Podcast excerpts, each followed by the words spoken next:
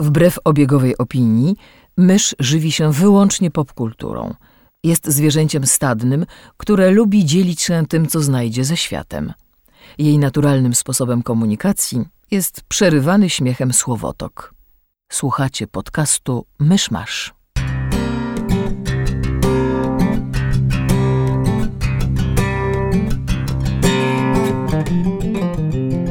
Drodzy słuchacze, jest 20 maja 2019 roku, Światowy Dzień Pszczół. Zapraszam do 233 odcinka podcastu Myszmasz. Przytulcie pszczoły. Tak. Ewentualnie, jeśli zobaczycie jakąś zmęczoną pszczołę w ogrodzie, możecie jej na, na łyżeczce podrzucić trochę wody z cukrem, e, żeby sobie podjadła i poleciała dalej. Pszczoły są ważne, bez nich wszyscy zginiemy. To jest dosyć ważne. Tak, cześć. E, Ja jestem Krzysiek Ceran. E, Słyszeliście też już głosy Kamila Hej. Orka i Anny Myszy, Myszy, Myszy, Myszy, Myszy. Ja nie wiem. Prowadzisz te podcasty 6 lat, myślisz, że nauczysz się w końcu przedstawiać ludzi, Zmieniłeś, zmieniłeś kolejność i nagle się wszystko posypało. Zamiast najpierw myszę, potem mnie, to nagle wszy- wszystko. ale... Tak, więc witamy Annę Myszę, Myszę, Myszę. Cześć. Witam jako Anna Mysza, Mysza, Mysza. E, tak, Znana jako Mysza. W skrócie.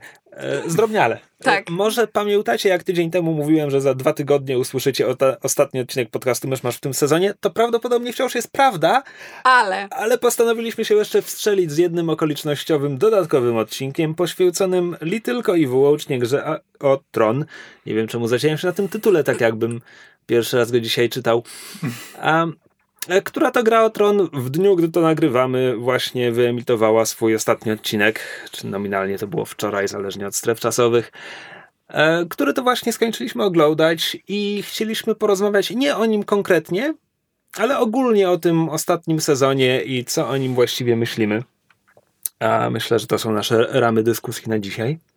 E, Gdyż albowiem e, zaliwżdy nie da się ukryć, że e, ten serial wzbudził emocje. Jeśli, jeśli byliście w internecie w ciągu ostatniego półtora miesiąca, prawdopodobnie zauważyliście, że ten odcinek, tfu, ten sezon e, wzbudził emocje. E, I ja chyba znajduję się po tej bardziej pozytywnie nastawionej stronie odbiorców. To znaczy, pewnie były tu głupoty, ale kurczę, ten serial był taką wielką, bezwładną bestią, że po pierwsze, każde zakończenie by rozczarowało duży segment odbiorców, bo po prostu wszyscy mają jakieś oczekiwania i nie da się spełnić wszystkich.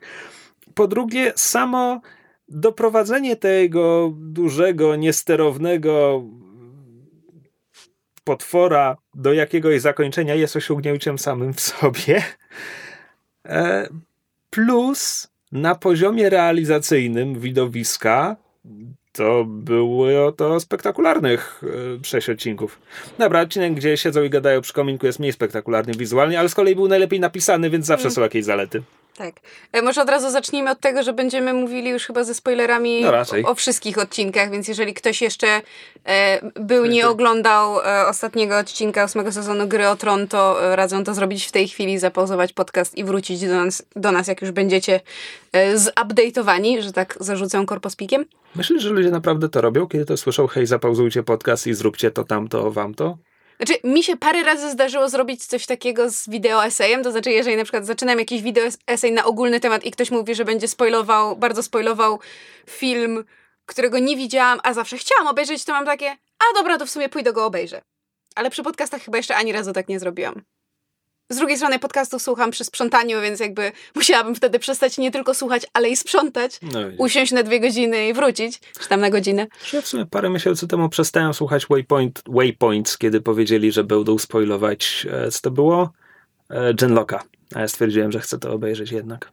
No widzisz, więc zdarza się. Czyli mi się zdarza. E, ale nawiązując do spoilerów, to ja myślę, że dla mnie idealnym podsumowaniem tego u, u ostatniego sezonu Gry o Tron jest właśnie pa- parafraza tekstu e, Tyriona z ostatniego odcinka, to znaczy, e, że nikt nie jest szczęśliwy, w związku z tym chyba osiągnęliśmy dobry kompromis. I dla mnie to jest kwintesencja ostatniego sezonu Gry o Tron pod tytułem Wszystkich nie zadowolimy, więc no wyszło jak wyszło. Znaczy, Ja jestem zadowolony z ostatniego odcinka w miarę. E, tylko, że no jestem zdania, że jakby twórcy ewidentnie mieli go w głowie, kiedy pisali ten sezon, jakby wiedzieli dokładnie, co chcą zrobić w tym ostatnim odcinku i cała reszta sezonu była temu absolutnie podporządkowana, w związku z czym jakby postaci zachowywały się tak, jak się zachowywały po to, żeby móc dojść do tego, do tej sytuacji, którą mamy w ostatnim odcinku i to momentami po prostu kończyło się sztucznością. Znaczy tutaj możemy nawiązać do pewnego e, tweeta, który w pewnym momencie krążył, e, gdzie e, była jakby zaznaczona różnica pomiędzy sposobem pisania historii, czy jakby fabuł scenariuszy i różnica pomiędzy y, jakby pisarzem, czy, czy twórcą, autorem, który jakby tworzy swoje postaci jako psychologicznie spójnie, spójne, wrzuca je w pewne okoliczności i patrzy, jakie decyzje oni będą podejmować zależnie od tego, jak okoliczności będą się zmieniać i dokąd go, że tak powiem, zaprowadzą. A jest druga szkoła, to znaczy autor wie, jaki koniec chce osiągnąć i potem za wszelką cenę próbuje do tego końca doprowadzić czasem po drodze się mniej lub bardziej potykając. I myślę, że w tym momencie Gra o Tron jest idealnym przykładem znaczy, tego tak, drugiego podejścia. Znaczy, co jest no... o tyle ciekawe, że jakby ponieważ bazowali w dużej mierze na Martinie, który raczej jest, mam wrażenie, e, autorem pierwszej szkoły. On, on, jest, on jest totalnie z pierwszej strony. On jakby wymyśla postaci i pozwala im działać i potem sam jest zaskoczony ich decyzjami. Na przykład decyzją postaci było to, że nie zmieszczą się w trylogii, więc on musi napisać jeszcze trzy inne książki, zanim dojdzie do ostatniej części. Więc właśnie. E, I Gra o Tron przeszła jakby pewną przemianę w momencie, kiedy zaczynała z, z materiałem wyjściowym Martina i właśnie z podejściem pierwszym, po czym potem książki się skończyły. Twórcy gry o Tron natrafili na e, klasyczny problem twórców, e, znaczy ten adaptujących e, mangę do anime pod tytułem O nie, skończył nam się materiał źródłowy. A ponieważ znali już zakończenie, bo Martin, Martin im je zdradził, to jakby musieli to, to się nazywa ten reverse engineer, czyli jakby próbować dojść do tego jakąś metodą. Pisali od końca. Tak, pisali, pisali od końca. I tu wydaje mi się e, dość kluczowym, mimo wszystko powiem błędem, e, było podjęcie przez twórców decyzji, e, żeby pociąć te dwa sezony w taki sposób. To znaczy, czytałam artykuły, gdzie jakby HBO im zaproponowało, że te dwa ostatnie sezony mają mieć jakby te tam 10 odcinków, tyle samo co poprzednie sezony. A oni powiedzieli nie i ostatecznie siódmy sezon miał te tam osiem, osiem odcinków, a, a ten miał sześć. I moim zdaniem to, to było z dużą niekorzyścią dla serialu. Ale widzisz, jaka to jest wierna adaptacja, bo Martin popełnił błąd, tnąc czwartą i piątą książkę, tak jak je pociął, więc... Znaczy, ja nie jestem do końca przekonany właśnie co do te, takiej interpretacji, bo jakby dla mnie jakby tempo historii nie jest jakby wyłącznie pochodną jej długości. Jakby da się zrobić. Jakby tu wcale nie ma tak dużo fabuły w tym sezonie. Jakby to wszystko, co się, wy... Mm, co się wydarzyło w tym sezonie, jakby jest dla mnie w porządku można to było po prostu poprowadzić e, Może lepiej, faktycznie ale... nie ma tylu wydarzeń, tyle fabuły, natomiast nie ma też miejsca, żeby postaci zareagowały i przetrawiły to wszystko tak, żeby potem ich następna akcja była dla widza wiarygodna i spójna. O to mi właśnie chodzi. To jakby mm. nie jest to, że, że, że mamy, nie wiem, za mało postaci, czy rozmienianie się na jakieś wątki poboczne, czy, czy postaci trzecioplanowych, ale fakt, że dla bardzo wielu osób, w tym na przykład dla mnie, pewne um, jakby odbiór pewnych decyzji, mimo że logiczny z punktu widzenia całej historii nie był odpowiednio jakby emocjonalnie wyważony i nie mógł wybrzmieć, bardzo rzutuje na ten ostatni sezon. Mm, tak, być może, e, ale wiesz, no, filmy, filmy od dziesięcioleci jakby opowiadają bardzo często duże historie, w których jakby bohaterowie przechodzą duże zmiany i robią to wiesz, w półtorej godziny, może w dwie, może w trzy.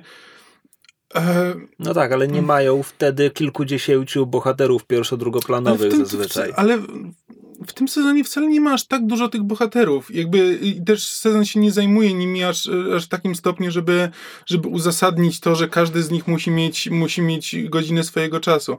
Nie wiem, mam, mam po prostu takie poczucie, że no to, to jest tylko moje subiektywne odczucie, że to nie jest kwestia tylko tego, że, że jakby mieli więcej czasu, to by to, to by to poprowadzili lepiej, tylko po prostu mm, przedstawili to nie tak, jak, nie tak, jak należy. No, ale... no tak, no i oczywiście musimy pamiętać, że jakby HBO oferowało im to więcej czasu, mm. więc jakby to wszystko leży na barkach e, no, tak. twórców serialu. E, przy okazji chciałbym od razu dorzucić, bo to się to jest często w internecie upraszczane do takiego, że no książki się skończyły i chłopaki mają kłopoty. Ja się z tym strasznie nie zgadzam. Mm. To mhm. znaczy dla mnie w tym serialu wiele moich ulubionych scen, czy w ogóle wątków i pomysłów w serialu było y, pomysłami twórców. I to już od pierwszego sezonu. Już w pierwszym sezonie były sceny, które nie były wzięte z książek, które były jednym z, jednymi z moich ulubionych w tym wszystkim.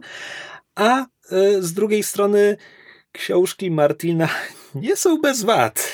Tak, znaczy ja uważam, że na przykład y, bardzo, bardzo dobrą decyzją było ograniczenie jakby wątków e, fantazy jakby Martin, Martin się momentami potrafił zapędzać i, e, i wprowadzał tego dużo więcej. No tutaj... Ale jak to? Tropka kontrolująca smoki. Jak no, możesz właśnie. za nią nie płakać? Albo wiesz, albo Lady uh, Stoneheart. Stoneheart.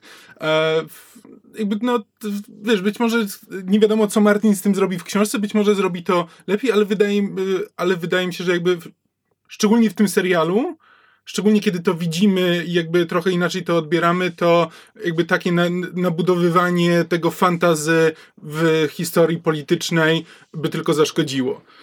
E, jakby przynajmniej mieli, mieli tyle świadomości, żeby to ograniczyć. E, jest też jeszcze taka, taki artykuł, nie pamiętam, gdzie, nie pamiętam gdzie e, przeczytałem, ale właśnie z, tak jak było to kontrastowanie dwóch sposobów prowadzenia historii, e, to autor albo autorka z e, tym artykułu e, sugerował, że Hollywood ma problemy z przedstawieniem. Hollywood zna się na przedstawianiu psychologicznych historii, nie potrafi przedstawiać socjologicznych historii. Nie ma, w, e, nie ma po prostu warsztatu i aparatu, żeby to, żeby to pokazywać, podczas gdy właśnie e, gra o tron w wersji książkowej jest właśnie bardziej socjologiczna. Bohaterowie są tylko punktem widzenia na jakby sytuację, e, sytuację światową. E, ale jakby to ta sytuacja jest głównym bohaterem, podczas gdy w filmach i w serialach my jednak skupiamy się na bohaterach, na ich przeżyciach, na ich drodze e, i to oni są, oni są centrum historii, a reszta jest tylko, tylko ich otoczeniem i jakby to jest też ten przeskok, gdzie i to nawet widać w krytyce, jakby dużo krytyki e, czasem uzasadnionej, czasem mniej uzasadnionej, jakby sprowadza się do tego, że już się zdążyliśmy zżyć z tymi bohaterami i każdy ma bardzo duże oczekiwania co do tego, e, co, jakie decyzje podejmą, jak się zmienią, jaką drogę, jaką drogę przeszli. Każdy ma, e, jakby jesteśmy skupieni na tym, jak się skończy historia poszczególnych postaci, a na przykład nie historia świata. Mniej przynajmniej. Tak, ale z drugiej strony ja się zastanawiam, czy to, to nie jest trochę takie narzekanie, żeby narzekać, bo. Czy inaczej, ja bardzo doceniam dzieła, które chcą powiedzieć coś więcej na temat właśnie, nie wiem, sytuacji jakiegoś szerszego kontekstu, nie wiem, politycznego, czy socjologicznego, czy jakby jakichś takich większych, bardzo bardziej ogólnospołecznych tematów. Natomiast te historie, które wywierają na mnie największe wrażenie, są tymi, które albo łączą to z wątkami osobistymi postaci, albo po prostu wątki osobiste. To znaczy, zresztą w tym ostatnim odcinku e, Gry o Tron też Tyrion w pewnym momencie mówi, że jakby to, to, co łączy ludzi, to czego nie można im odebrać, e, to, to są historie.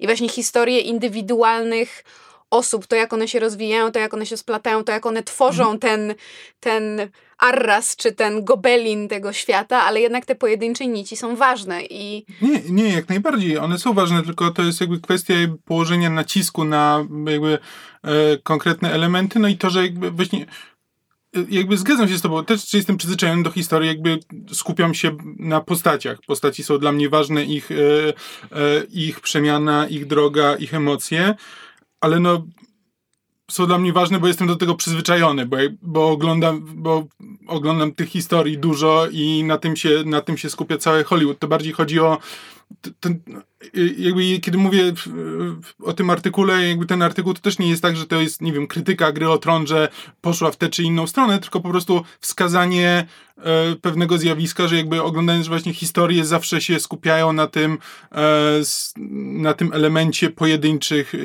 jednostek, ich e, emocjach, w związku z czym ten świat zanika. I właśnie kiedy, szczególnie kiedy dochodzimy do finału, to się zaczyna robić problemem, bo jakby ten świat przez tych ileś tam 6-7 sezonów był, był ważnym bohaterem i z, e, obserwowaliśmy jak się, jak się zmienia, podczas gdy finał musi nam pokazać e, historię poszczególnych postaci, więc tam zawsze dojdzie do pewnego dysonansu. I to jest tylko kwestia tego, no jak to się, jak to się ogarnie. Znaczy, wydaje mi się że też, że dysonans bierze się z czegoś, co jakby jest elementem nie do przeskoczenia, to znaczy formuła. W sensie, że no, to, to jest serial i mieliśmy te sezony raz na tam rok, czy ostatnio ten ostatni sezon czekaliśmy troszeczkę dłużej. Bo wspomniałeś o filmach, że filmy mimo jakby krótkiej formuły są w stanie opowiedzieć historie, które jakby pokazują, nie wiem, rozwój bohatera, a ja się zaczęłam tak zastanawiać, oglądając ten, ten ósmy sezon i, i czytając y, krytyki i biorąc udział w różnego rodzaju dyskusjach. Po pierwsze zastanawiałam się, czy gdyby oglądać te dwa ostatnie sezony jeden po drugim, to znaczy siódmy tuż, e, znaczy ósmy tuż za siódmym i, i zrobić sobie taki binge, to czy mimo wszystko wiele wątków właśnie, które były krytykowane w tym ósmym sezonie, nie wybrzmiałoby lepiej z, z tym rozbiegiem? A po drugie, czy mimo wszystko wątki kilku postaci, na przykład Jamie'ego, czy one mimo wszystko nie wybrzmiewają tylko i wyłącznie w, w szerokim kontekście.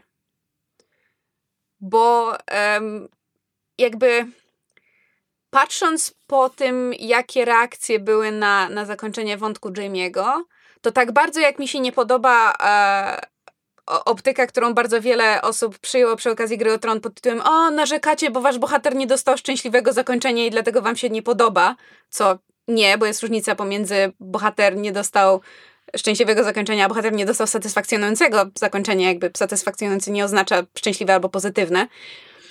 Tak, wydaje mi się, że zwłaszcza w przypadku Jamie'ego coś w tym jest, to znaczy wydaje mi się, że narracja w serialu tej postaci była poprowadzona w sposób, który bardzo silnie sugerował e, redemption arc, to znaczy historię, która skończy się odkupieniem. A potem jakby, kiedy e, dostaliśmy, prawda, e, e śmierć Jamie'ego w ramionach Cersei, czytałam parę, parę analiz artykułów, które jakby bardzo umiejętnie i moim zdaniem, że tak powiem, prawdziwie wskazywały na to, że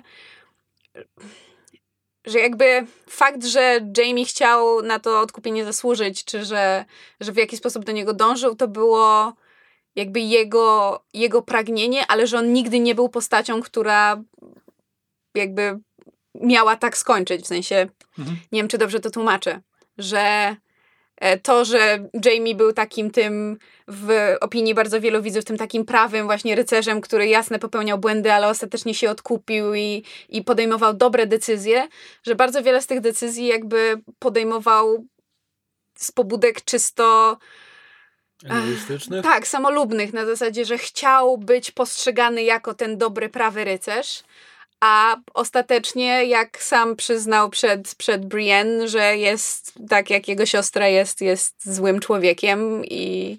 Znaczy, ja na przykład nie mam zastrzeżeń co do jakby tego pomysłu, tylko kwestia wykonania. Tak, tak, jak właśnie też... Znaczy, to, to jest moja mantra przy tym sezonie, bo ja praktycznie, jeśli chodzi o to, jak kończą postaci, czy co właściwie robią w ostatnim sezonie, ja kupuję prawie wszystkie pomysły, mam problem z wykonaniem tak, niektórych z nich, ale szczerze mówiąc, Jamie nie jest jedną z nich. Jak dla mnie, on pięć razy zapracował na swoje odkupienie, tylko nie mógł go udźwignąć, plus nie mógł się wyrwać ze szponów toksycznej miłości, a jakby to zawsze było on i Cersei kontra świat i to, że w końcu ginął dla niego to jest nawet taki trochę happy end, jakby, jakby go spytać, jak chce umrzeć, No tak, tak. I jest ta cała poetyka, że oni giną, y, giną razem w sklepionej komul, y, znaczy w, w sk- w sklepionym pomieszczeniu, które przypomina łono i oni razem wyszli z łona i razem wracają do łona Okej, i to dobra, jest to taka już poetyka. wczytujemy się, Och, wow. Och, mój drogi, ja tyle rzeczy przeczytałam. Ale ja, ja bym tylko dodał, że to nawet chyba da się podciągnąć pod przepowiednię o walonkarze, której wszyscy się czepiają, że nie została spełniona w serialu, podczas gdy w serialu nawet jej nie było, ona została wycięta z serialu.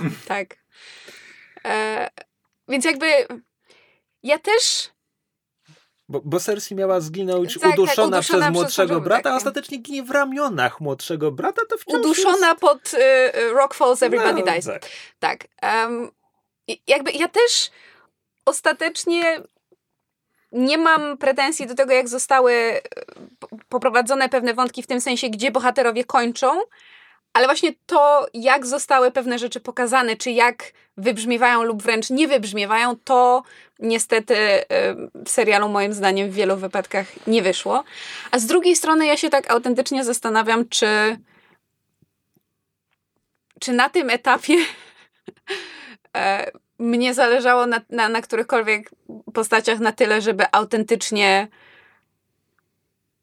w, jakikolwiek emocjonalny sposób podchodzić do, do, do tego finału, bo jakby mam wrażenie, że e, owszem, jest bardzo wielu, bardzo wielu widzów i fanów, dla których jakby Gra, Gra o Tron to był ten, ten serial, to był ten, ten wielki serial, który ich, nie wiem, wciągnął w oglądanie seriali, które śledzili z zapartym tchem, czytali newsy, czytali plotki, pisali analizy i to był ten ich jeden, jedyny serial.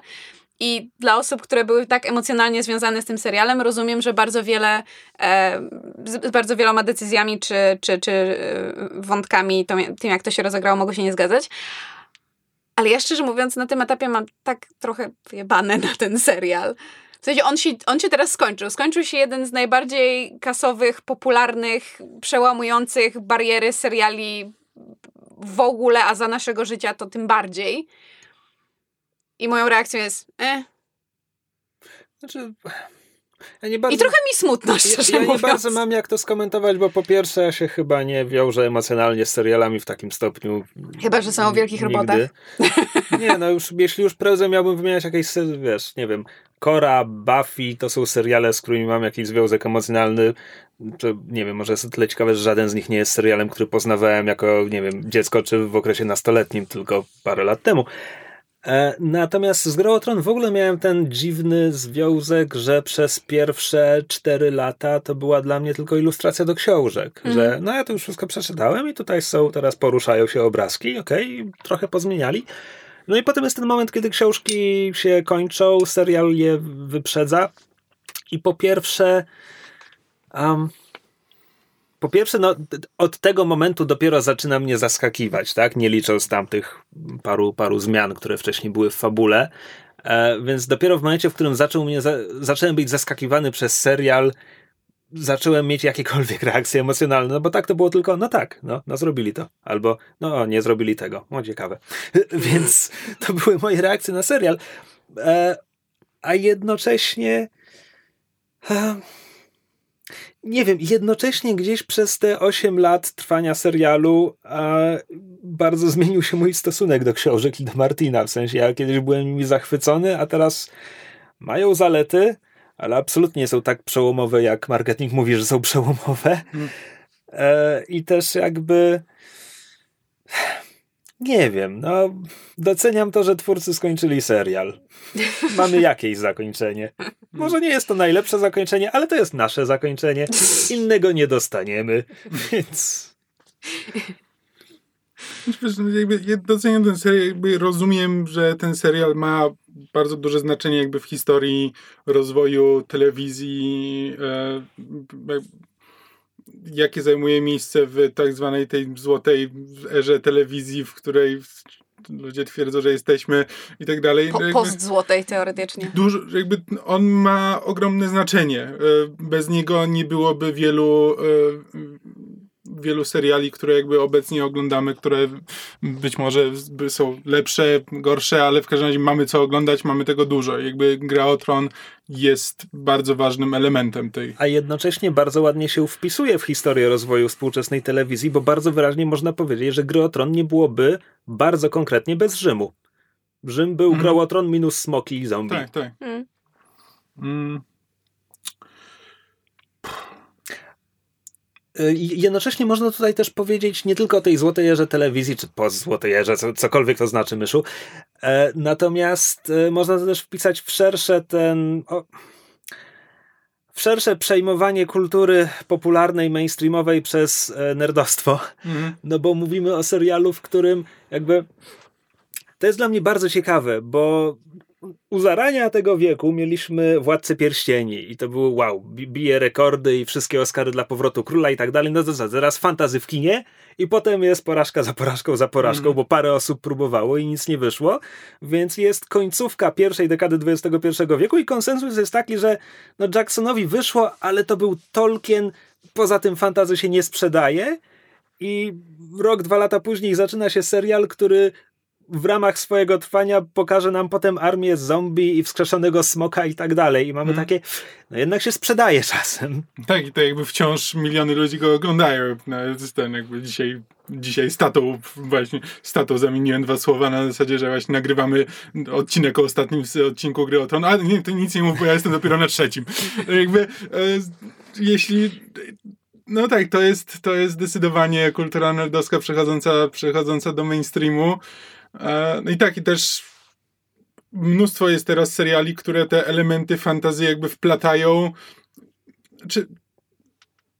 Nie no, no jest, jest sporo seriali takich fantastycznych, jakby takich typowo fantastycznych, bo to zaczynało się od tego, że to były, wiesz, procedurale, ale, e, nie wiem, teraz myślę o Lucyferze, ale wiesz, że procedural zwykły, ale będzie z diabłem. E, że na zasadzie, że zrobimy normalny serial, ale Znaczy, ten element fantastyczny i on inaczej, później będzie narastał. Inaczej, nie, znaczy ja bym to porównała trochę do y, może do Supernatural, które z kolei jest też serialem, który nie, nie może się skończyć i zaraz się skończy. Będę musiała nadgonić, żeby obejrzeć ten ostatni finałowy sezon, bo jestem bardzo ciekawa, jak ten mój syndrom sztokholmski się zakończy. Bo Supernatural powstało, jeśli mnie pamięć nie myli, przed Grą o Tron, w sensie No zaczęło tak, lecieć. No, musiałeś, jest Dużo. teraz Tak. 15 sezon. E, Prawie dwa razy, dwa razy powiedzieć- starsze jest Supernatural. w chyba. 2005? No chyba to tak. 6 lat przed Grą o Tron. E, tak. E, I jakby w, w czasach, kiedy leciało Supernatural, leciały też podobne seriale. To znaczy, mam wrażenie, że, że w tamtych czasach, jakby jeżeli mieliśmy serial z elementami szeroko pojętego fantazy, czy właśnie wątków paranormalnych, to to były seriale niszowe, które sobie zbierały te, te malutkie fandomy, które potem te seriale utrzymywały cudem i psim swędem na antenie, pisały petycje i tak dalej. A Gra o Tron e, była, zresztą to jakby wi- widać i wiadomo i wszyscy to potwierdzają, była tym takim gateway show.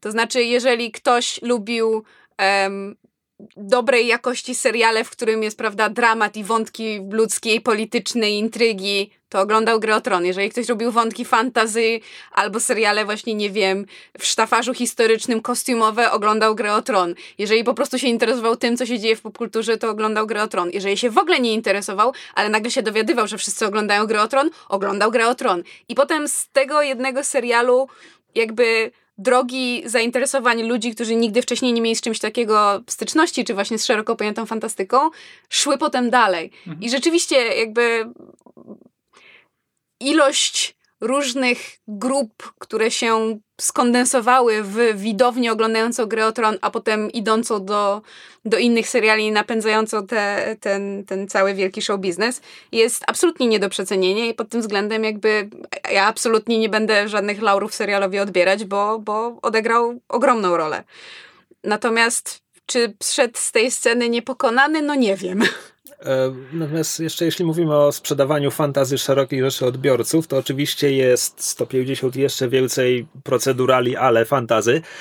E, Natomiast w tym momencie nikt się nie porywa na e, klasyczne fantazy, że Mhm. będą miecze i tak dalej. Poza tym, że Amazon robi coś Władcę Pierścieniowego. No ale to Ale Władca znowu to Władca który jest Pierścieni, zupełnie tak. osobnej kategorii.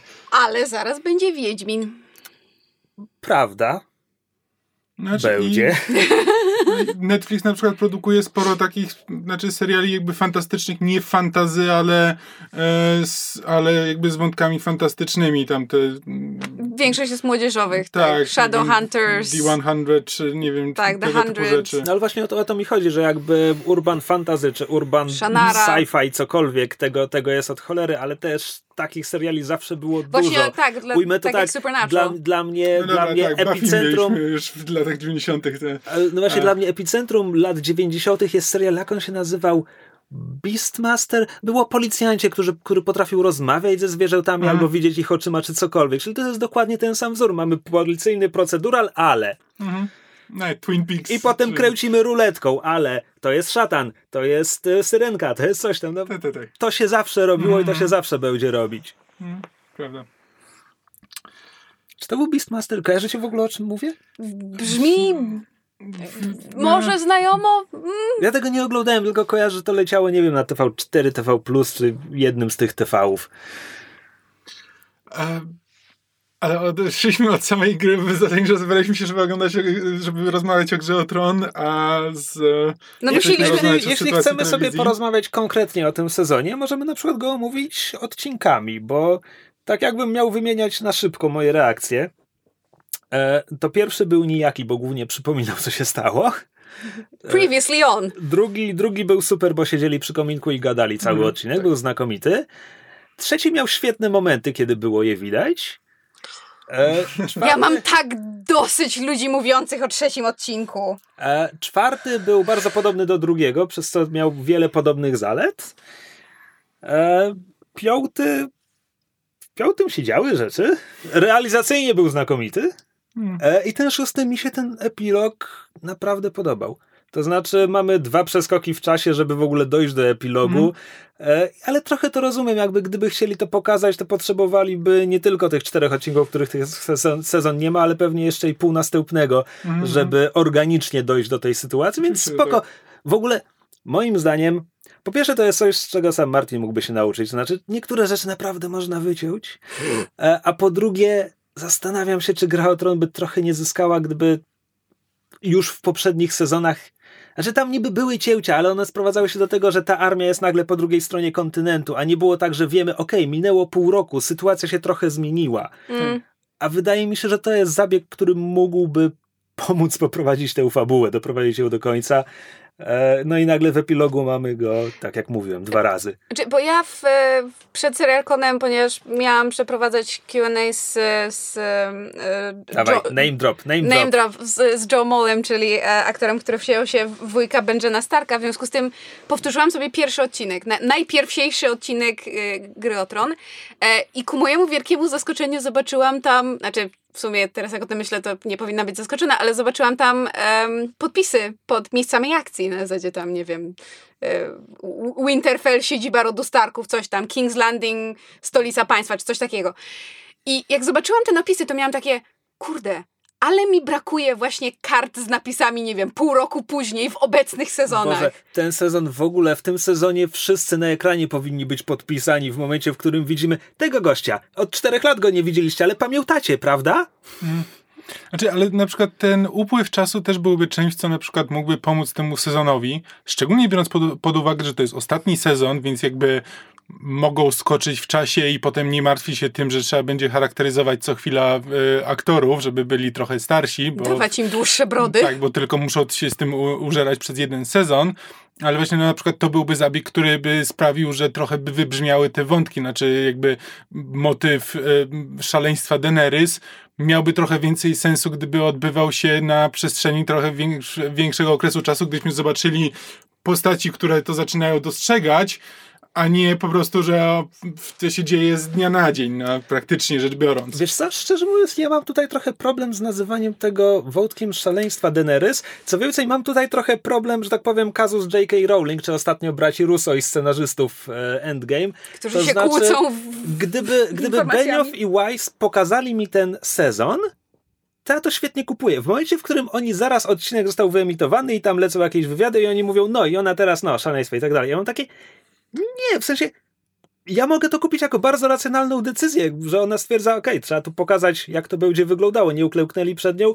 Ona zawsze paliła tych, którzy przed nią nie klełkają. To jest wszystko spoko. W momencie, w którym oni mi spoza kadru mówią, ona tu szaleje, to ja mam takie... Znaczy, nie, ja jakby absolutnie rozumiem, że jakby Daenerys jest brutalna i e, zabija każdego, kto w, jakby staje jej na drodze, z tym nie mam problemu, ale jest jednak ten drobny skok pomiędzy tym, a systematycznym, powolnym ludobójstwem e, całego miasta. Znaczy, bo e, oglądałam ciekawy wideo essay właśnie na temat tego, jak poprowadzono wątek Dani przez, przez cały serial.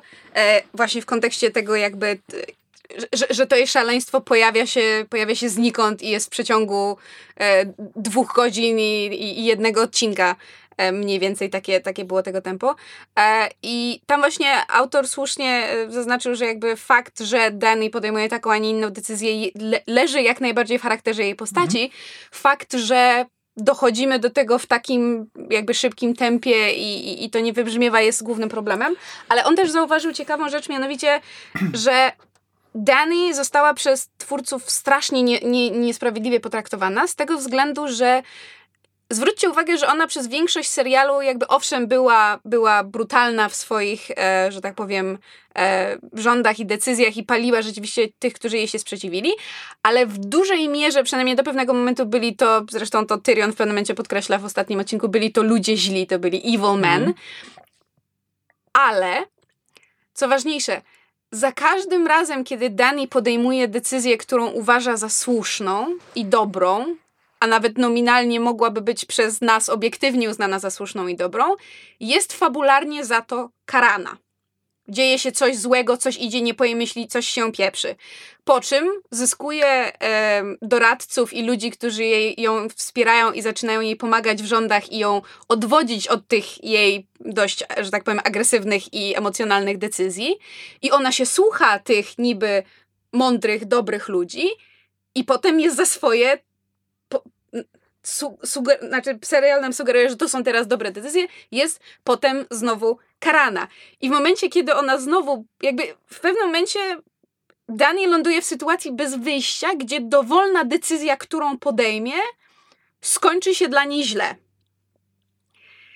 I rzeczywiście, jakby jak na to spojrzeć z tego punktu widzenia, to wychodzi na to, że Dani, już abstrahując od tego, że, że nazywanie właśnie tego szaleństwem przez twórców jest głupie, bo po prostu jakby Mhm. Dani się zachowuje jak próbujący utwierdzić się w swojej władzy władca.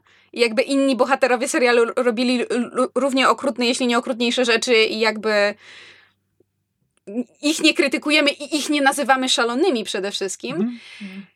Ale to, jak została w, jakby potraktowana przez twórców i to, jak jakby jak, jak ta jej moralność no, nie mogła wygrać, no. To Znaczy- próbuję powiedzieć. Znaczy, ja się absolutnie... Damned if you do, damned if you don't jest takie Znaczy, powiedzenie, no. Ja absolutnie kupuję ten motyw, że absolutnie się też tego spodziewałem, że no Danny w, w pewnym momencie e, z, zniszczy, zniszczy miasto, zabije, zabije tych ludzi, przy czym nie spodziewałem się na przykład, że to będzie po prostu przemyślana, świadoma decyzja, do której miała, e, miała chwilę, żeby do niej dojrzeć, żeby ją przemyśleć, e, kiedy nic jej nie zagrażało, kiedy już e, miasto się poddało. I ona wtedy wciąż stwierdza, że to jest, że i tak musi ich wszystkich zabić. Ja nie miałem poczucia, że, że w jej umyśle to by było jedyne, jedyne słuszne rozwiązanie, po prostu nieuchronne. E, po prostu brakowało mi tego wrażenia, że jakby, że z perspektywy Dani, żebym mógł zrozumieć, że dla niej to było coś, co po prostu musiało się wydarzyć, co było nieuchronne. Moim zdaniem to nie zostało pokazane dobrze. A wręcz Jasne, to przeciwnie, zostało pokazane tak, że ona siedzi na tym smoku, obserwuje poddające się miasto, słyszy dzwony i nagle znikąd ją trafia szlach, szlak i strzela focha pod tytułem co? Poddaliście się? Ja nie mogę was teraz spalić? No dobra, to ja wam pokażę. I to po prostu wypada tak strasznie... Kreskówkowo, Tak, naturalnie. Dokładnie. Na złość mamie spalę miasto, no. Nie mam problemu z tym, że to się wydarzyło, mam po prostu problem z tym, jak to zostało przedstawione. Tak, a jednocześnie w tym odcinku mi się bardzo podobała perspektywa ulicy. To znaczy, Mm. nie, mówię, nie mówię realizacyjnie, mam na myśli konkretnie Szarego Robaka i to, że tam mamy faktycznie to, co się dzieje, kiedy zwycięska armia wchodzi do miasta. To nie ma koniec, nie, jakby jest ta agresja, jest jakby Mhm. historycznie to się działo mnóstwo razy i szczerze mówiąc, zastanawiam się, czy dało się to poprowadzić trochę inaczej. Czy dało się to poprowadzić na przykład tak, że dany traci kontrolę nad swoją armią w tym momencie. Na przykład to by już było i po prostu widzisz, że to się i tak zakończy y, szlachtą w, y, ludzi, czy szlachtowaniem ludzi. Więc lepiej spalić E, wszystko do imentu. Nie wiem, no cokolwiek, ale no tak, No tak, więc brakowało jakby- mi po prostu tego elementu, w którym nagle ta decyzja staje się nieuchronna i z, No tak, a zaraz potem masz e, showrunnera, który mówi, no bo zobaczyła czerwoną twierdzę i jej odwaliło. Dziełki stary. Więc, więc tak, absolutnie. To jest właśnie to, kiedy mówię o tym, że akceptuję pomysł, wykonanie. Mi zapomniała o żelaznej flocie. Co? Jest Twórcy- taki, twórcy jest taki filmik, w którym to jest e, twórcy, e, jest po prostu cytat z twórcy z jednego z tych filmików, kiedy on, no Denny tak jakby zapomniała o żelaznej flocie i potem jest e, przykładany ten, e, ten tekst po prostu powtarzany ileś tam razy, przetykany fragmentami z filmu, kiedy ludzie mówią Danny o żelaznej flocie, która właśnie przypływa p- przez kolejne, przez ostatnie trzy sezony, gdzie jest żelazna flota, co teraz robi i kto ją wynajął. Biorąc pod uwagę, że jednym z powodów, dla których Dani nie mogła w ogóle przypłynąć do Westeros była żelazna flota, to fakt, że o niej zapomniała jest szalenie wygodny Znaczy, dla twórców. Jak jesteśmy przy żelaznej flocie, no to na przykład też w tym samym odcinku miałem problem z tym, że czekałem bardzo długo na to, w jaki sposób Dani, jaki sposób Dani wymyśli, żeby się przedrzeć przez tą, przez tą żelazną flotę i przez te kusze.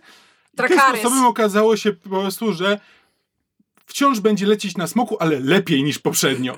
To znaczy, technicznie rzecz biorąc, mamy pokazane, że ona atakuje z, z wyższego kołtu natarcia i miała słońce za plecami, które ich oślepiało, więc miała tam, w tym momencie ona miała przewagę zakoń- zaskoczenia. I ja mogę nawet to kupić, tylko że potem jakby ta przewaga nie uzasadnia skali jej sukcesu i tego, jak łatwo go osiąga potem. Że tak, no jakby I ten pierwszy atak jest stronę- absolutnie też zrozumiały. Nawet sporo ludzi mówiło, że jakby, że przecież widzieliśmy w poprzednim odcinku, że te smoki potrafią wylecieć nawet ponad chmury, więc ona spokojnie jest w stanie wylecieć, wylecieć na nich z e, ten, tylko że potem ona po prostu, mamy kolejne e, balisty na murach i ona po prostu leci na nie bezpośrednio i tylko wymija w, i robi bullet time'a przed, e, przed strzałami, no. It's over, Euron, I have the high ground.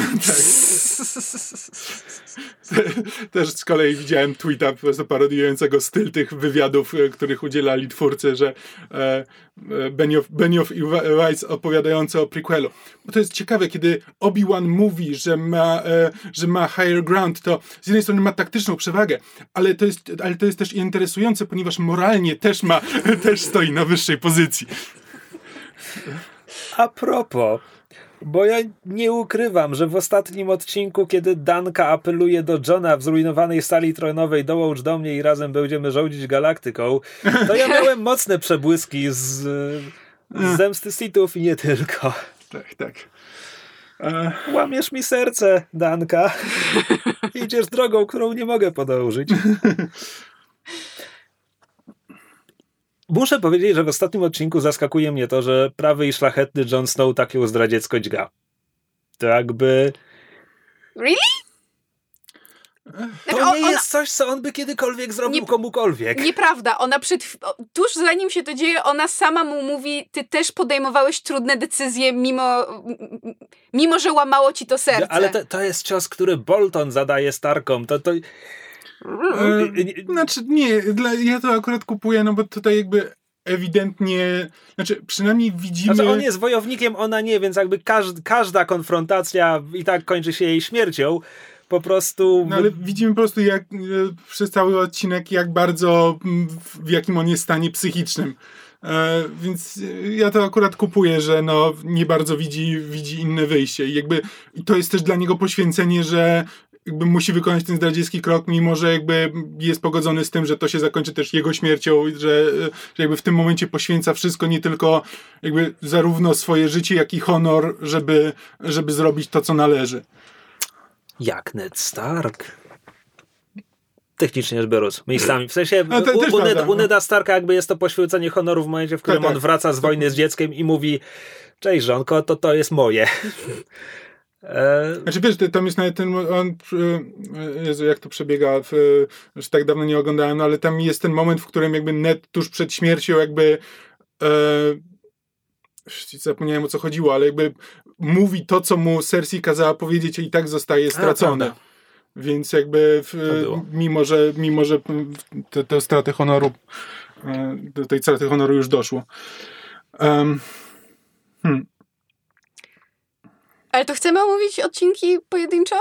Znaczy, możemy. Pytanie, czy chcemy wnieść dużo świeżego spojrzenia do dyskursu, który toczy się od półtora miesiąca. Znaczy, ja tylko chciałem nadmienić, że jakby sporo. y, Znaczy, to są te rzeczy, o których mówię, że sporo ludzi jakby się kłóci o to, że no ale przemiana, y, przemiana Deni była foreshadowana, for- foreshadowowana i tak dalej. Jakby sam foreshadowing nie znaczy, że można pominąć dalsze, dalszą drogę, rozwój bohatera. Jakby ja wiem, że tam są rzeczy, które to nie jest tak, że jestem zupełnie zaskoczony tym, co się wydarzyło, tylko, że znowu nie w ten sposób. Not like this. Not, Not like, like this. this. No, Dla mnie to jest logiczna konkluzja jej historii. Tak, Natomiast absolutnie. wykonanie w serialu. Dokładnie, tak, o, o tym mówię. No jakby samo to, że to jest foreshadowowane, że, że się tego spodziewamy, to nie znaczy, że zostało to dobrze zrobione. Ale wiesz, przynajmniej serial dał nam cokolwiek, bo jeśli mamy wspominać Dankę po książkach, to ostatnie słowa, jakie Martin napisał na jej temat, dotyczą jej wściekłej sraczki, więc Okej, Tak daleko w książkach nie dobrnęłam. nie czytałem ostatni. w, piątej części, jeśli pamiętacie, w serialu jest taki moment, gdzie Drogon wariuje i ją porywa z miasta, gdzie akurat dochodzi do wybuchu walk i ostatnie sceny e, to jest kiedy Dotrakowie, nowi Dotrakowie przyjeżdżają i ją otaczają i tak No. się kończy sezon. To jest praktycznie ostatnia scena z nią, jaką Martin dotąd napisał w książkach. Tuż przed tym Daenerys ma wściekłą sraczkę, ponieważ jest to bardzo ważne, żebyś o tym czytała. Okej. Wiesz, niektórzy tak mają, no bywa. E, znaczy, jeśli chodzi o, o, o że tak powiem, opinie po, po, po pojedynczych odcinkach, o, ogólnie się zgadzam z, z, z takim konsensusem, to znaczy pierwszy odcinek no, przypomina nam bohaterów, drugi to ja jestem zachwycona sceną kominkową i jakby wszystkimi rozmowami, bo dla mnie właśnie ten, ten serial jednak tymi postaciami i, i, i dialogami stoi, więc y, bardzo, bardzo mi się to podo- podobało. Natomiast e, szlak mnie trafia, jak czytam opinię o trzecim odcinku pod tytułem No fajny, tylko nic nie było widać. Bo po prostu ręce mi opadają. Bo znaczy, dla mnie ten odcinek jest najlepszym z całego sezonu i mi się najbardziej podobał. Właśnie z tego względu, jak został nakręcony i jakie wrażenie wywiera. I czy, czy, czy można było go nakręcić e, lepiej? Ciut jaśniej? Tak, ciut jaśniej, bo tu ludzie porównują na przykład ujęcia z e, Helmowego Jaru, który też był jakby bitwą nocną i, i, i jak tam widać rzeczy, a jak w, w tym odcinku nie widać rzeczy.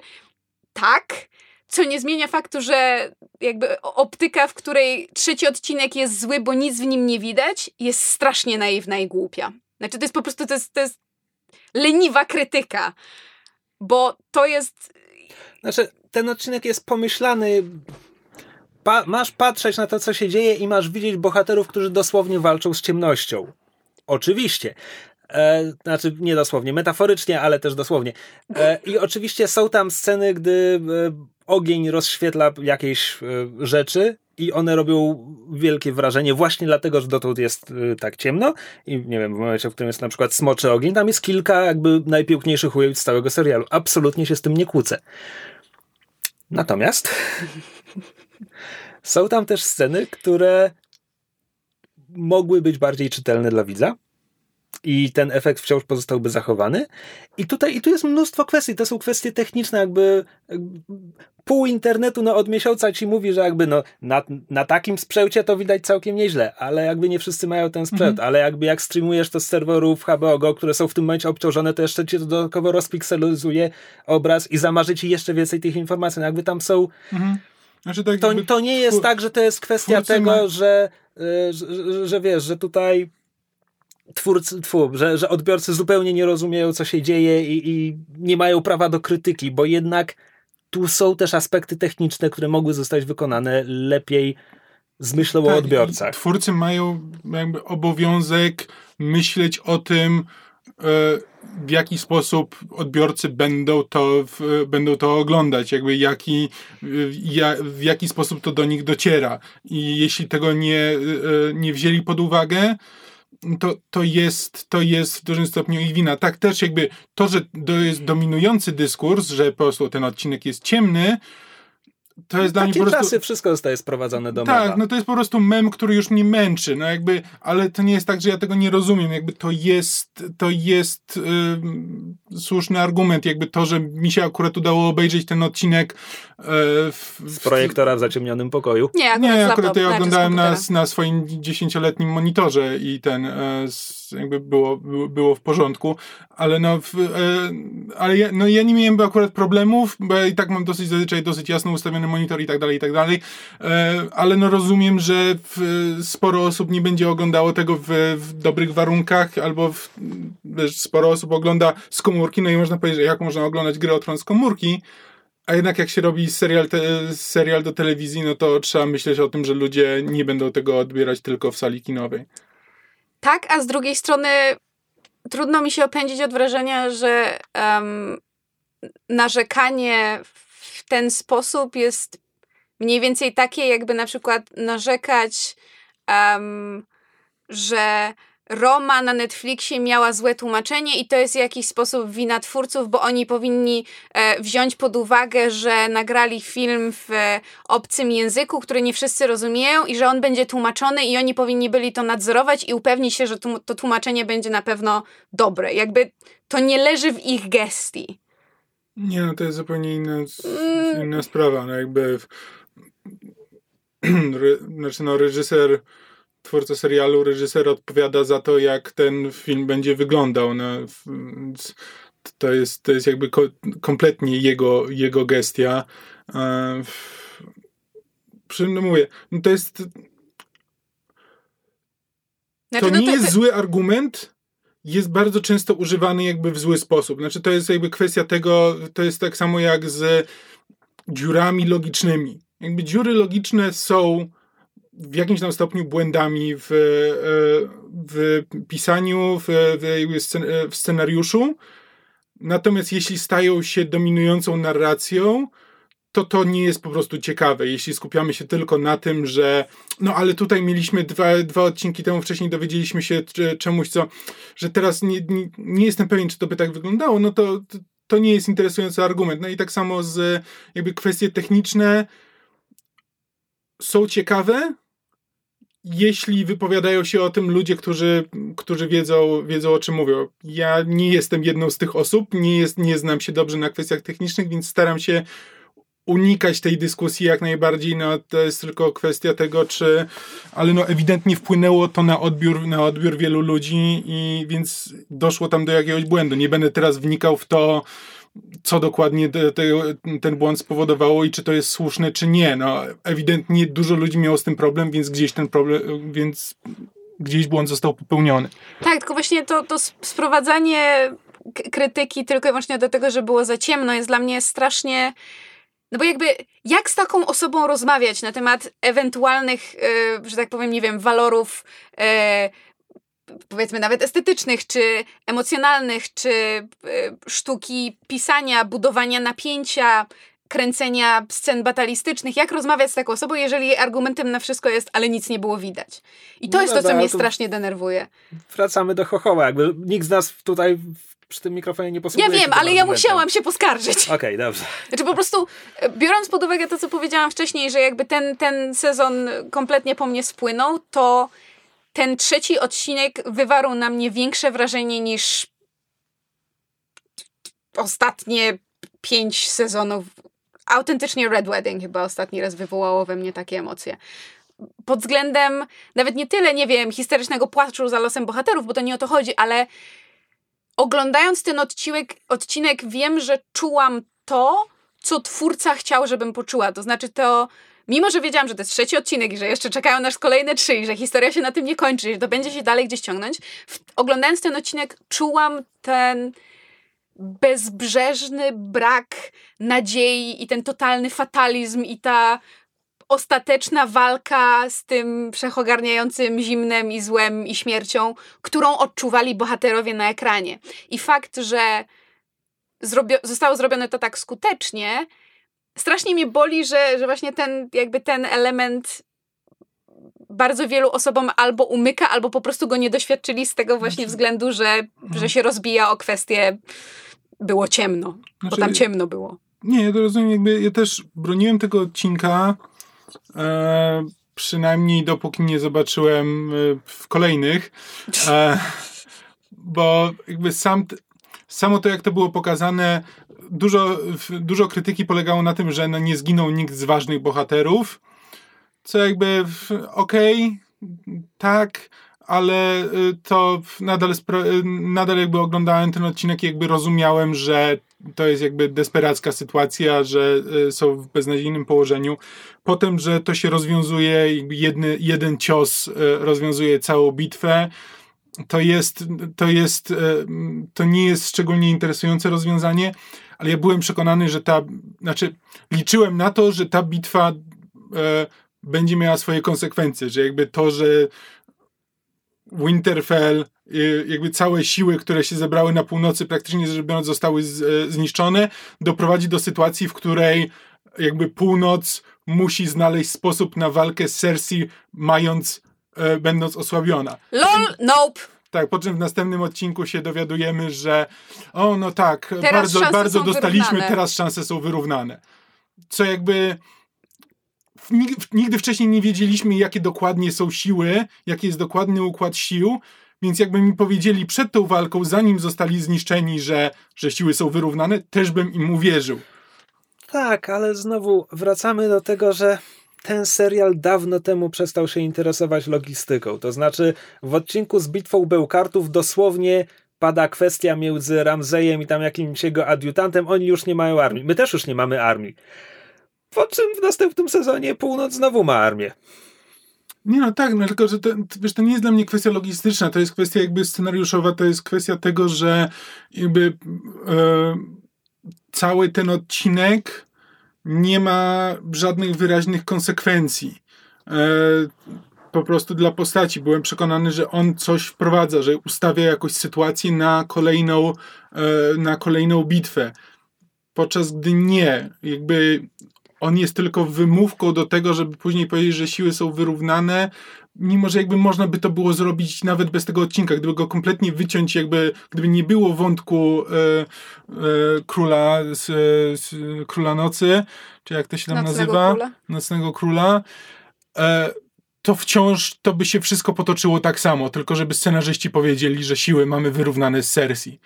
E, że jak zbierzemy wszystkich ludzi północy Ansalid i, e, i Dotrakich, to są siły wyrównane z armiami Lannisterów, e, Złotą Kompanią i e, Żelazną Flotą. Jakby uwierzyłbym w to. Jakby nie mam żadnych podstaw, żeby. Seems legit, nie? Tak, żeby stwierdzić, że nie, to by tak, to by tak nie wyglądało. No chyba, że to, to, to, już by musiał ktoś być bardzo, e, bardzo zaangażowany w to i śledzić jakby jakie są te siły w ten, żeby, żeby móc stwierdzić, że ale nie, one by nigdy nie były wyrównane. Ja jako, wiesz, casualowy bardziej widz, no to i tak po prostu ten odcinek nie ma wtedy dla mnie nie widzę w nim żadnych konsekwencji do tego, co się dalej dzieje. Nawet, wiesz, nawet te śmierci, że jakby nie umarł nikt z głównych bohaterów, ale umierało sporo osób dla nich ważnych ważnych. No, przynajmniej serial tak to próbuje pokazać, no, że coś tam dla nich znaczyli. I to wciąż to nie tak, ma żadnego znaczenia. W momencie, w którym twoim A-listerem na liście poległych jest Tion, musimy zakwestionować to, jacy byli ważni dla kogokolwiek. ten brak konsekwencji jest dla mnie takim stałym elementem tego sezonu. Mam takie poczucie, teraz obejrzawszy ten sezon, że gdyby na przykład, gdyby, gdyby ten serial nie miał wątku Nocnego Króla, no bo jakby, ponieważ ten wątek był, trzeba było go jakoś zakończyć, ale gdyby ten wątek, gdyby w tym serialu nie było Nocnego Króla w ogóle, to w ogóle moglibyśmy nie mieć tych czterech, e, czterech pierwszych odcinków i po siódmym sezonie przejść od razu do e, walki o, e, o King's Landing i finału i niewiele by się w tej historii zmieniło. On by wciąż mógł przebiegać zasadniczo w ten sam sposób. No dobra, ale mówisz w tym momencie, gdyby ten serial nie miał połowy wątków, to wtedy ten sezon mógłby nie mieć tej połowy odcinków, które kończą nam tamte wątki. Nie, nie, nie, cho, nie. Chodzi mi po prostu o to, że jakby samo jakby walka z Nocnym Królem nie ma żadnej Nie konsekwencji ma dla tego serialu. na walkę z Tak. Cersei, no okej. Znaczy tak, ale z- inaczej, bo mówisz o, o tym, że, że jakby trzeci odcinek powinien mieć konsekwencje. I ja się z tym zgadzam, ale z bardzo prostego względu, bo w momencie, kiedy mamy przez bardzo dużo y, serialu podbudowywany wątek właśnie Nocnego Króla i armii umarłych, y, czy tam White'ów, zombie, nieważne, e, e, White Walkerów, którzy idą na, zmierzają na południe i zagrażają ludzkości, to w momencie, kiedy oni zostają pokonani w tej bitwie w trzecim odcinku i Arya one-shotuje Night, e, Night Kinga, to fakt, że ten wątek zostaje zakończony, a mamy jeszcze trzy odcinki, powinien mieć konsekwencje. Ponieważ był tak bardzo podbudowywany, że samo jego zakończenie nie może być końcem historii. To musi się przekładać na coś więcej. A fakt, że się nie przekłada, moim zdaniem właśnie wywołuje to wrażenie, że równie dobrze mogłoby tego nie być. Ale mimo wszystko e, Armia Nocnego Króla była tym, co połączyła e, wątki i jakby cele bardzo wielu postaci, co ostatecznie mimo wszystko było potrzebne, żeby ten finał wybrzmiał, e, znaczy potoczył się tak, jak się potoczył i wybrzmiał tak, jak wybrzmiał. No bo jednak, czego byśmy nie mówili o, o po, po, poprowadzeniu pewnych wątków, Mhm. to z, z decyzjami, jak, e, dokąd te wątki doszły, się zgadzamy. W związku, a, a te decyzje zostały podjęte na podstawie Mhm. informacji, które wynikały z nadchodzącej armii i tak dalej. Więc jakby ja nie do końca się zgadzam z tym, że można by to w ogóle wyciąć, Nie no, natomiast... oczywiście, Bez, bez Nocnego Króla John nie spotyka Danki, Tak, co jest tylko- trochę istotne w finale. Nie no, oczywiście, że to jest istotne, tylko że to są jakby kwestie logiczne, to są kwestie tylko czysto fabularne. Jakby to nie ma znaczenia dla jakby ogólnych motywów. To nie jest tak, że ta bitwa czegoś nauczyła, co y, jakby podczas tej bitwy, podczas starcia z Nocnym Królem, jakby bohaterowie jakoś czegoś się nauczyli, co później jakby miało wpływ na to, jak się potoczył finał, czego To znaczy, brakuje dla, mi dla tutaj mnie czegoś. to jest trochę tak, że bitwa z Nocnym Królem jest finałem w tego wszystkiego, a to, co mamy w ostatnich trzech odcinkach, to jest tylko epilog. No, jakby op, op, Władca Pierścieni, op- siedem zakończeń. opadły popioły magicznego konfliktu o przetrwanie ludzkiej rasy i teraz ci, Bijmy którzy się o przeżyli, biją się o to, czym będą teraz rządzić. No. Po prostu mam wrażenie, że oni by się mogli bić tak samo, gdyby w, nie walczyli, tylko że no wtedy trzeba by, tak Johnny i Danny musieliby się spotkać w jakiś inny sposób i mieć jakiś inny wspólny cel, ale, no, ale jakby... zna, znowu wracamy do tego, że jakby nie rozumiem cię. Och nie! Schizma! Schizma w podcaście. Nie, nie, nie, nie schizma, no tylko po prostu była historia Nocnego Króla i trzeba było go pokonać, no i okej, no i to nie ma bezpośredniego przełożenia na Cersei. No, No, ale jakby ta historia Nocnego Króla, o czym ona jest? No jak to? Musimy się wszyscy zjednoczyć w walce o e, klimatyczne, klimatu. tak, ze zmianami klimatu, No, a jeżeli nam się jakimś cudem uda wygrać, to potem i tak się wszyscy pozabijamy, bo jesteśmy głupi. jest Ja to prze- jakaś Ja interpretacja. przepraszam, ale ja już jestem bardzo fatalistycznie nastawiona do losów e, e, prawdziwej ludzkości, w sensie Nie no, znaczy, no właśnie jeśli wiesz, że jeśli to jest jakby zagrożenie, wobec którego musimy się wszyscy zjednoczyć, ale potem się nie jednoczymy i takie pokonujemy, no to to właściwie nie ma żadnego, nie, nie, nie wybrzmiewa w żaden sposób. Znaczy nie no, jednoczymy się, za wyjątkiem Cersei, które ma w nosie. No za wyjątkiem Cersei, za wyjątkiem jakby całego tam południa, który po prostu nawet nie wie, że coś tam się dzieje na północy, jakby... w- Dorn jest tak daleko na południu, że im zima nie straszna. No tak, no ale no to jest właśnie ten problem, że jeśli to ma być rzeczywiście, jeśli twierdzi, że to jest, e, że to jest e, jakaś e, że to ma być metafora, nie wiem, zmian klimatycznych, no to to znaczy, że w tej metaforze jakby są ludzie, których po prostu te zmiany klimatyczne nie dotkną. Więc No. oni się nie No muszą tak. tym przejmować. Bogaci, ci Czy- lepiej położeni. Znaczy, gdzie widzisz problem? Gdzie widzisz problem?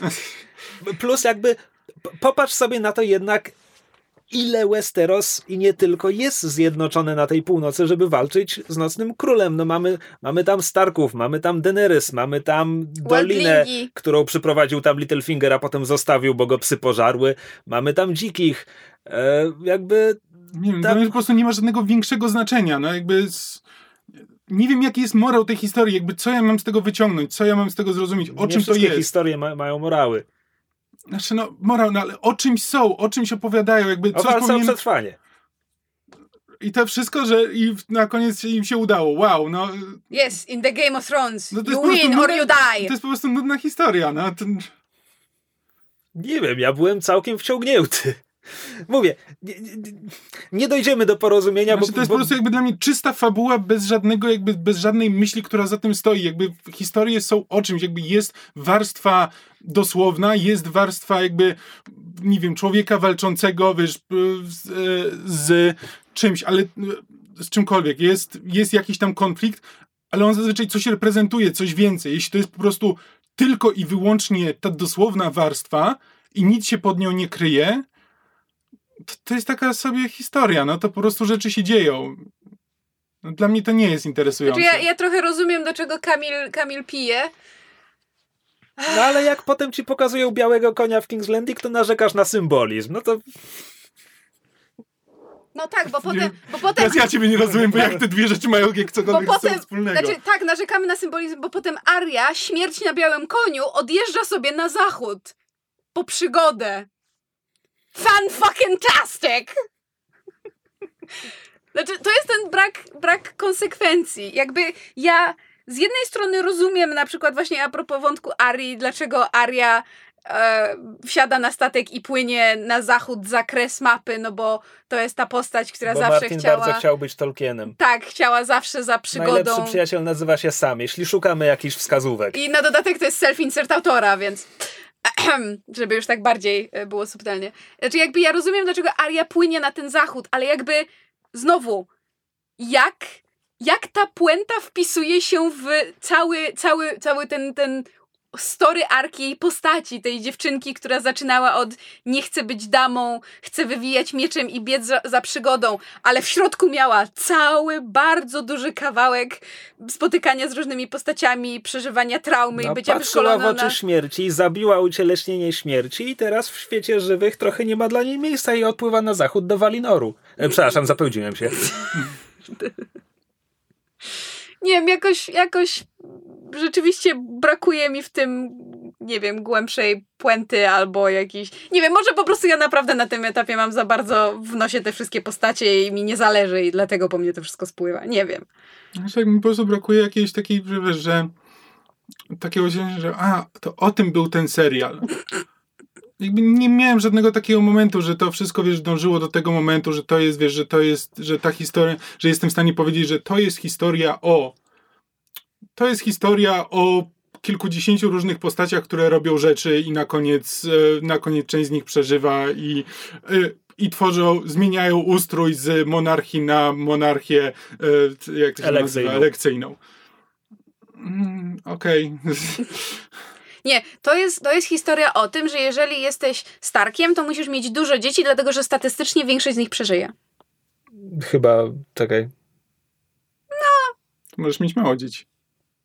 Właśnie, jeśli statystycznie większość z nich przeżywa, to wtedy nie musisz mieć tak znaczy nie, dużo. czekaj, w sensie, że im, Żółwie im, składają sto kilkadziesiąt Tak. jaj właśnie dlatego, że większość żółwików nie dożyje. Znaczy, ale w, czekaj, co ja próbowałam powiedzieć? Że By, była piątka Starków, szóstka jeśli liczymy Johna, e, z czego zginął tylko Rob i e, ten mały Rikon, więc e, większość przeżyła. No tak. Dobrze, to morał jest taki, że warto być Starkiem. No. Najwyraźniej, nie wiem, no. Ewentualnie jeszcze Tion się tak jakby trochę łapie jako ten przyszywany brat i on też zginął, to wtedy jest tak trochę bardziej pół na pół. Swoją drogą ktoś bardzo ładnie napisał e, właśnie w kontekście e, jakby re redemption arc i tego, że jakby, że Jamie był tak w pewnym, znaczy, że Jamie był, wątek Jamie'ego był interpretowany jako redemption arc, którym ostatecznie nie był i w sumie no jakby spoko, tylko mogło to być lepiej pokazane, żeby nie próbowali nas nabrać, a potem robić jakąś wydumaną fintę, ale ktoś właśnie napisał, że, że Theon jest jednym z najlepiej poprowadzonych właśnie wątków redemption arc i to mi się bardzo podobało, rzeczywiście jakby jak na postać y, poboczną, czy tam drugoplanową, to, to jego, jego łuk tej jego historii rzeczywiście jakby to, że on dostaje ostatecznie to odkupienie. Jakkolwiek by głupie nie było rzucanie się mano a mano na nocnego króla, to... Nie bardzo miał jakikolwiek inny wybór. Nie, ja wiem, dlatego jakby, wiesz, nie e, już nie, nie będę e, złorzeczyć mógł, ten... Mógł stać i czekać, aż zabije go jeden ze stu kilkudziesięciu innych umarłych, którzy byli obok. Nie, jak najbardziej, wiesz, nie, nie będę mu psioczyć nad grobem.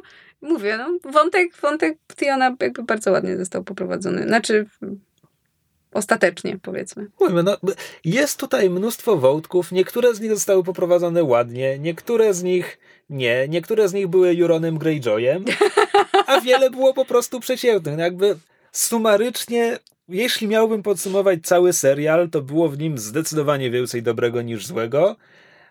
Prawdopodobnie, owszem, więcej złego było w ostatnich sezonach niż w pierwszych sezonach, ale nie wiem, no jestem pełen podziwu dla tego, co zostało osiągnięte. Można było zrobić wiele rzeczy lepiej, ale zawsze można zrobić wiele rzeczy lepiej. Plus, nie ukrywam, nie, nie, wiem, nie wiem, jak się czuję z tym, że mówimy o serialu, który przeszedł ewolucję od takiego, gdzie w pierwszym sezonie były dwie bitwy i obie zostały ukryte poza kadrem i cięciem montażowym, a w ostatnim sezonie dyskutujemy o tym, jak ta widoczność w trzecim odcinku zmienia nasz odbiór tego wszystkiego, ale ogólnie to było super, a potem jeszcze smok pali miasto. Znaczy, dla mnie dla mnie to też jest jakby problem z tym serialem, jakby nie robią na mnie wrażenia jakby sceny batalistyczne. Znaczy... Bitwa Bełkartów nie robi na tobie wrażenia? Bitwa Bełkartów tak, ale to było też trochę co innego. Znaczy, to nie jest tak, że nie robią na mnie wrażenia.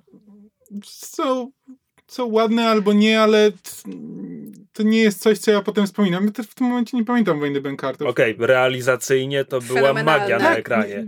Absolutnie ale mnie nie obchodzi. Okej, okay, mnie obchodzi. E, ale to a propos ale... magia realizacyjna i mnie nie obchodzi, to ja bym chciała, bo wspomniałeś o paleniu miasta. To jest też jeden z moich głównych problemów. To znaczy, bo myśmy z Kamilem czwarty, znaczy piąty odcinek oglądali akurat wspólnie, poprzednie żeśmy oglądali e, osobno, niezależnie.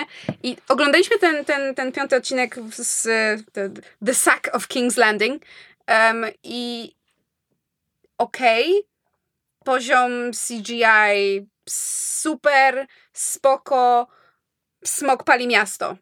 Jebie mnie to. W sensie, bo ty wspomniałeś o tym, że, że pokazanie tego, jak, jak Grey Worm, e, szary robak, e, jakby te, te, na ulicach, ten punkt widzenia z ulicy, ten, ten, to wejście tej zwycięskiej armii, które nie kończy się tym, wiesz, cukierkowym złożeniem broni, tylko zawsze prowadzi do rozlewu krwi, zawsze jest krew i pot i łzy i nieszczęście i, i, i gwałty i wszystkie okropieństwa wojny.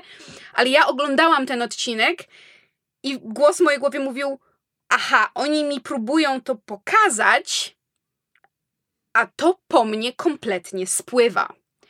I to jest mój problem z tym odcinkiem. Znaczy, ja też miałem takie, że ponieważ jakby ta decyzja Danny nie była dla mnie mm, nie wiem, interesująca, że z, ani, ani logiczna, ani interesująca, ani, w, w, ani zasłużona, to ja się wyłączyłem, bo później kolejne 15 minut to jest po prostu jakby przeprowadzanie tej decyzji do ten, jakby pokazywanie jak, jak to wygląda.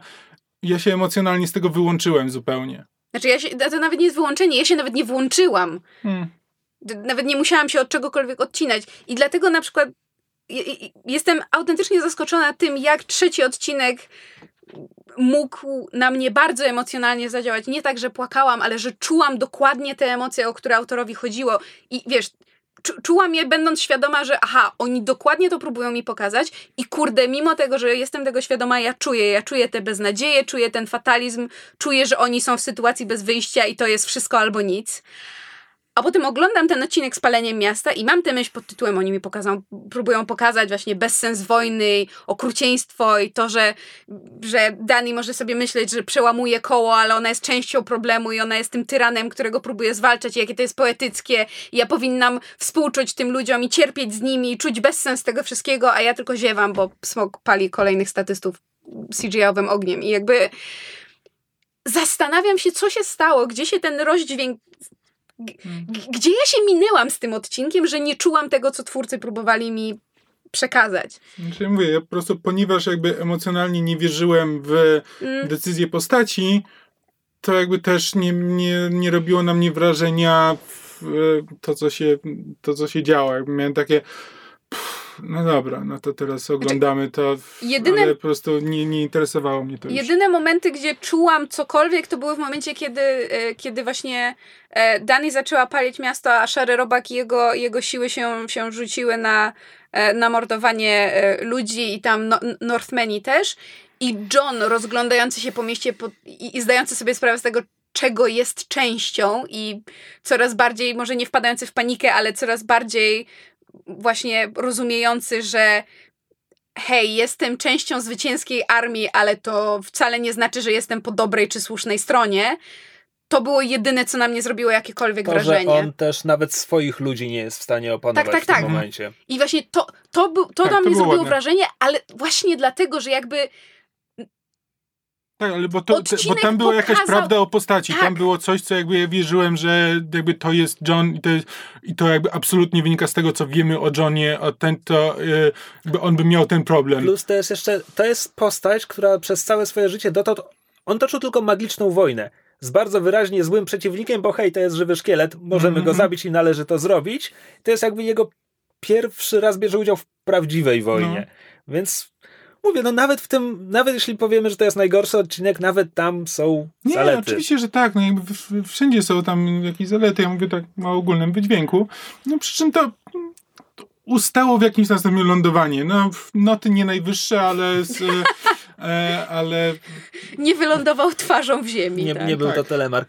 E, jeśli chodzi o ogólny dźwięk, to ja bym tylko jeszcze poświęcił zdanie Raminowi Dżaładiemu, który w tym mm. sezonie jakby po raz pierwszy od lat E, po raz postarał. pierwszy od lat nie się postarał, tylko bo to jest tak, jakby gra o tron miała swoje charakterystyczne dźwięki, które zostały wyznaczone w głównej mierze przez pierwszy sezon. Tam potem jeszcze deszcze Kastamir doszły w trzecim sezonie. I to zasadniczo było tyle. I potem następnym razem usłyszeliśmy o Ramin, co się dzieje. E, w utworze Light of the Seven. To jest kiedy Cersei wysadza sept i tam pierwszy raz chyba w całej grze o tron było, był fortepian. Mm. I to było takie bardzo wyraźne, u, coś mi tu inaczej gra. A tutaj w tym sezonie jakby przynajmniej co drugi odcinek miałem takie, no okej, okay, mamy ten, coś zupełnie nowego. E, nie pamiętam jak się ten utwór Cały nazywa. finał trzeciego Cały, tak, epizodu właśnie. Absolutnie fenomenalny. Ja utwór nazywa się Night King. Właśnie. O. Ja byłam pod, pod, rzeczywiście pod ogromnym wrażeniem i też potem jak, e, ja dobrze kojarzę, że jakaś taka bardzo balladowa wersja Deszcze Castamere jest wykorzystywana jak, jak Ginął Cersei. Jamie Cersei, tak. tak. Z kolei w szóstym odcinku, kiedy Danka wchodzi do zrujnowanej sali tronowej, mamy taki bardzo um, delikatny kobiecy chór, e, nie chór, to jest chyba, nie wiem, kobieta śpiewa i to jest główny utwór muzyczny, to jest tam, tam, tam, tam, tam, tylko zupełnie przepisany w zupełnie innej mm.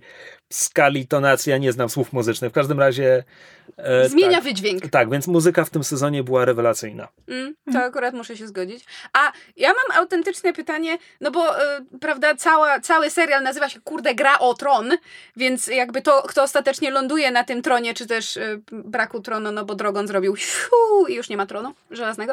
Y, jakie są nasze uczucia względem tego, kto na tym tronie ostatecznie ląduje? No bo jakby...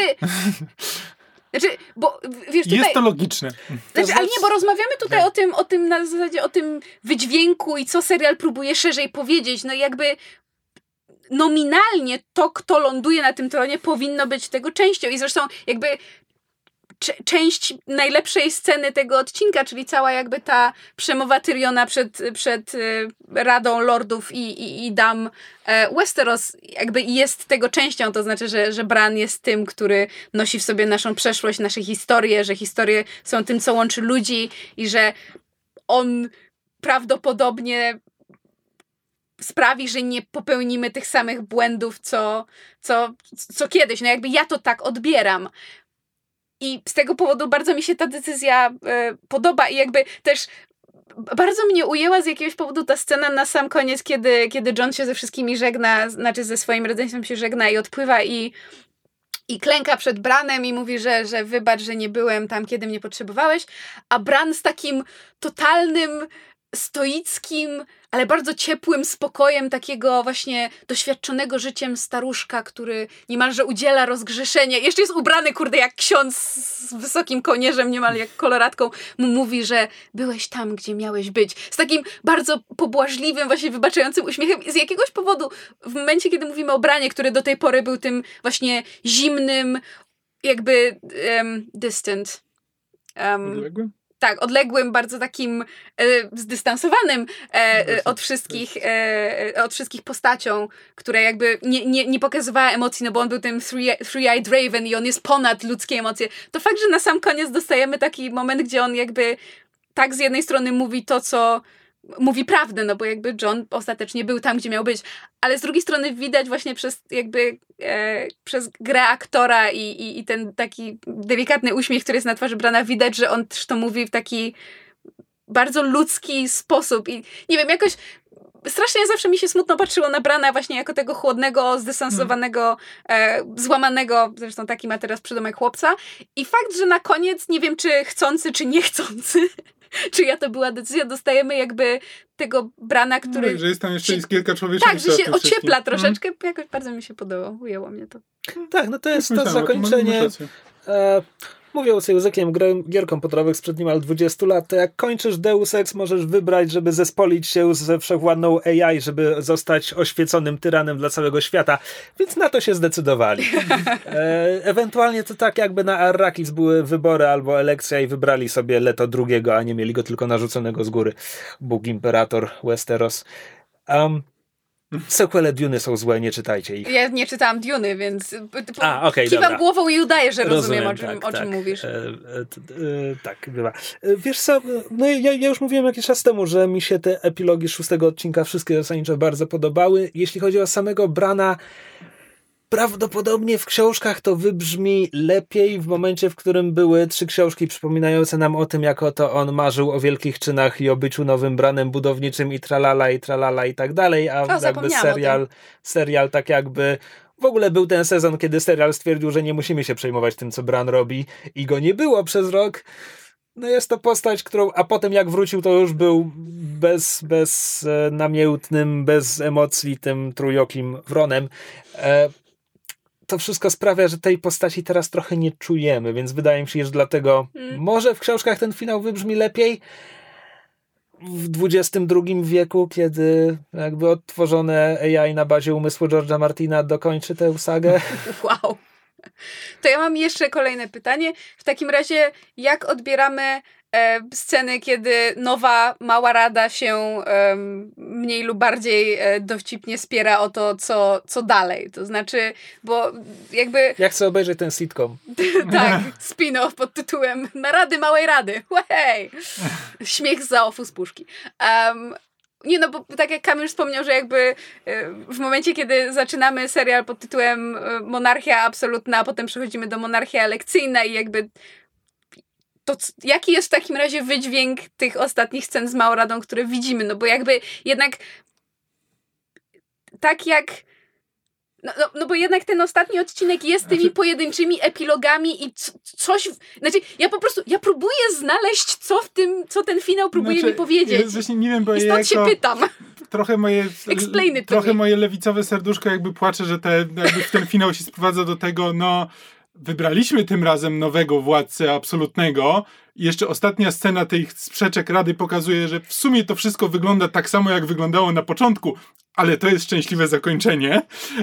Znaczy, wiesz e, no, spoko. W tym momencie przynajmniej wiemy, e. że w tej małej radzie jest, są co najmniej trzy postaci, które naprawdę mają dobre zamiary i, i tak dalej. No tak, to, to jest, jest, jakiś postęp. No tak, tylko że to jest właśnie ten postęp związany, że no wciąż mamy te same struktury, ale tym razem mamy w nich dobrych ludzi. Znaczy tak, w momencie tutaj już ocieramy się o jakąś taką bardziej baśniowość w momencie, w którym mamy powiedziane, że od teraz to będzie monarchia elekcyjna i wszystko będzie dobrze, Tak. bo na pewno nie będzie wojny domowej, gdy tylko Bran zginie i nie będą się mogli Tak, dogadać tak. w sprawie następnego. A jeszcze tam, mam taki, nie wiem, czy mogę to nazwać, czy to nie jest zupełnie taki centrystyczny, ale ten moment, w którym tam Tyrion mówi, że no, Dani zabijała złych ludzi, więc oczywiste było, że w końcu zacznie zabijać też niewinnych ludzi.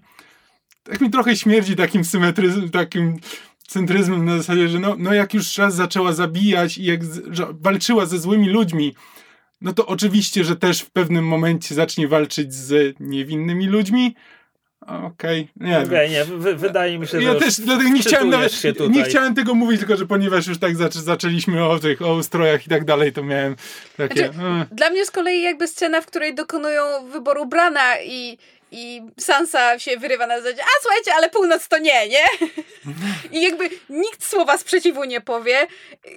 I, nie wiem, jakoś tak tak, to też jest strasznie taki, łatwo poszło. Znaczy, to też jest taki, że jakby fajnie miłe to jest, bo jakby, bo, bo rzeczywiście to jest ten wątek północy i niezależności północy, no to tam się przewijał przez cały ten, przez cały ten serial, no więc jakby został doprowadzony do czegoś, ale jak tak sobie myślę jakby o jakby realnych konsekwencjach tego, no to jakby fakt, że jedno królestwo ogłosiło niepodległość i król to uznał, tworzy precedens, który później ktoś inny może stwierdzić, że e, ja też tak chcę. No, ja na i przykład jestem, to jestem doprowadzi do kolejnych wojen. Ja jestem zdziwiona, że na przykład Jarra się wtedy nie odezwała pod tytułem Ej, ale a może ten, może z Żelaznych Wysp też by mogli, co? Co? Możemy, can we, can we? No bo, ech, nie wiem, tak, no. To takie rzeczy, że e, trzeba trochę przymknąć oko i uwierzyć na słowo, że teraz będzie dobrze. Mimo, że jakby, jakby tak spojrzeć na realia historyczne, to prawdopodobnie to będzie się nie skończyło i tak no dobrze. Tak, no ale Ale będą jeszcze spin-offy, więc pewnie się o- przekonamy, w jaki sposób Ale to się nie żadna- kończy. spin-offy nie żadna- mają być... y, ten spin-off, który jest w tym momencie w najbardziej zaawansowanym stadium, rozgrywa się tysiące lat wcześniej. No właśnie. Ale cholera wie, jakie Ale inne są jeszcze cztery powstaną. inne, więc... Aha, no. E, Mm.